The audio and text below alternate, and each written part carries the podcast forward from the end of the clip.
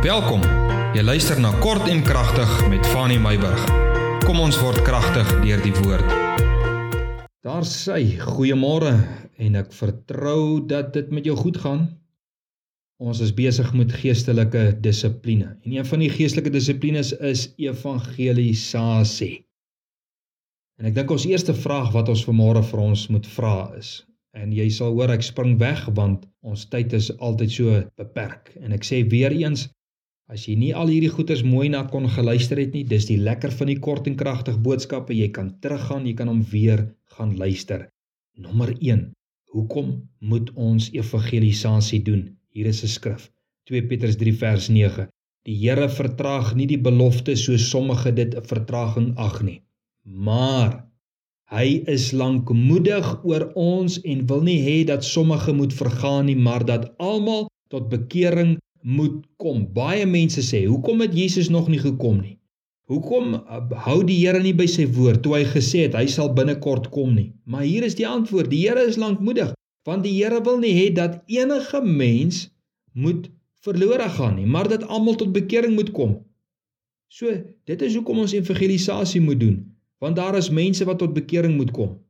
Dis die punt van die saak. Die Here wil kom en die Here wil nie kom voordat almal nie die geleentheid gehad het om hom te leer ken nie. So, wat is ons basisskrif vir evangelisasie? Nie die skrif wat ons opdrag gee nie, maar wat is ons basisskrif vir evangelisasie? Romeine 1 vers 16.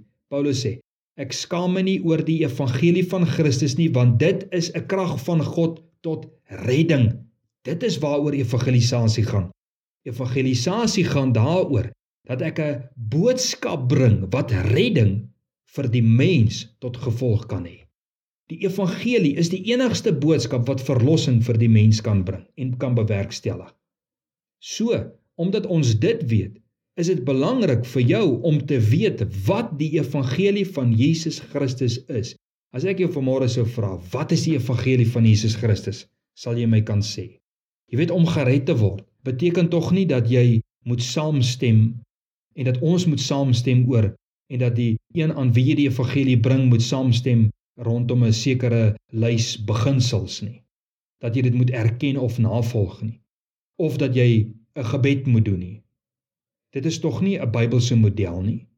Maar dat ons die evangelie sal ken, daarop sal reageer en daardeur verlossing sal ontvang.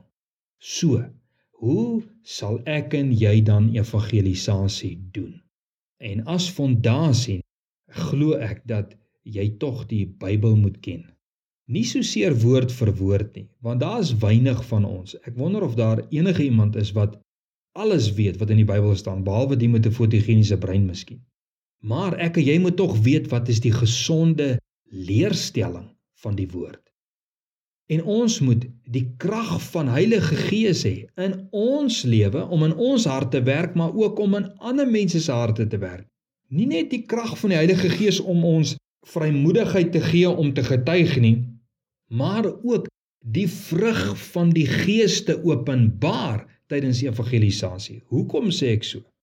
Dit beteken dat ek en jy nie moet uit aggressie krities moet wees teenoor die sondaar nie, maar uit liefde. sien hier kom die vrug van die Gees, maar uit liefde en uit sagmoedigheid die goeie nuus van verlossing van sonde te bring aan die sondaar.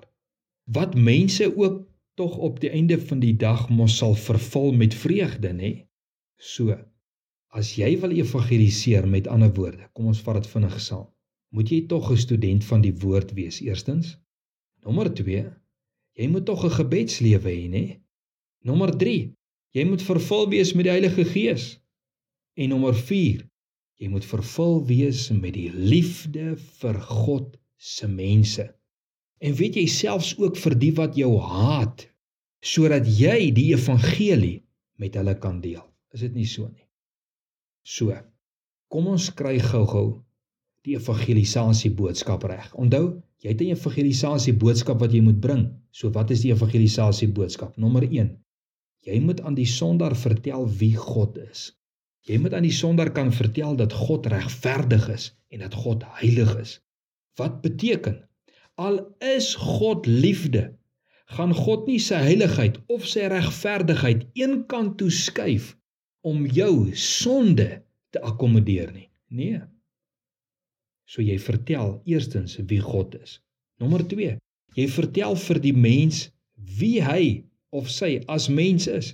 Jy vertel vir die mens dat jy as mens is sondig, maar nie net sondig nie, maar dat jy 'n gebore sondaar is. En weet jy wat? Dat daar niks is wat jy menslik aan jou sonde kan doen wat jou reg voor God sal stel nie. So nou kom die derde gedagte. Nou vertel jy aan die sondaar wat God gedoen het aan hierdie krisis, aan hierdie krisis wat jy niks aan kan doen om jouself reg voor God te stel nie. So wat het God gedoen aan die probleem? Dis ons derde gedagte. Jy weet as God regverdig is, dan kan God mos nie net jou sonde los en jou ongestraf laat asof jy niks verkeerd gedoen het nie. So hoe gaan God dan die probleem oplos? Ek en jy verdien mos die dood. En wat gaan God doen om ons vry te koop van die sonde dat ons nie sal sterf daarin nie? So wat het God gedoen? God het mens geword deur Jesus Christus. Hy het 'n sondelose lewe op aarde gelei. Jesus het na die kruis gegaan om ons sonde op hom te vat. Met die oordeel van ons sonde is hy gestraf wat ons eintlik toegekom het. En deur te sterf het Jesus die prys vir ons sonde teenoor God betaal en is ons nou geregverdig voor God. Want die straf wat my en jou toegekom het, het Jesus op hom geneem. Nou kan God elke sondaar van sy sonde vryspreek deur Jesus Christus. En nou dat die sondaar dit weet, moet die sondaar ook weet die evangelie is nie net dat Jesus gesterf het nie. Maar die evangelie is dat Jesus ook uit die dood opgewek is en dat Jesus sit aan die regterhand van God en dat hy die enigste verlosser van die wêreld is en dat Jesus sal terugkeer om die hele wêreld te oordeel. Die sondaar moet dit weet. En omdat die sondaar dit nou weet, daarom nadat ons dan die evangelie gepreek het en hy die evangelie verstaan, moet daar 'n oproep gemaak word na die sondaar. Wat is die oproep?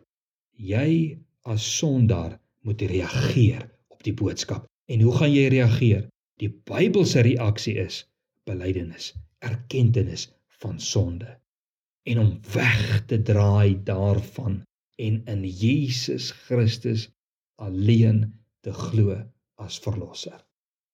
En hier kom die finale punt van evangelisasie. En onthou jou hele evangelisasie boodskap moet hierdie gedagtes bevat. Anders is dit 'n halwe evangelie, nê? En hier is die afsluit van jou evangelie boodskap. Wanneer die persoon, die sondaar, hulle geloof in Jesus Christus alleen verklaar het en bely het, moet hulle gekonfronteer word met hierdie belangrike gedagte. Hulle moet wandel in 'n nuwe lewe en die vrug van Christendom dra. Geweldig belangrik. Ek weet hierdie gedagtes is vinnig nou uitgelê. Maar asseblief, as evangelisasie op jou hart lê en juis omdat dit 'n dissipline is wat jy moet navolg, gaan vat 'n bietjie tyd. Gaan skryf hierdie punte neer en pas dit so toe. Dis 'n goeie riglyn wat jou gaan help om 'n suksesvolle man en vrou van evangelisasie te wees. Seën en vrede tot ons môre verder in Engels gaan gesels oor vas.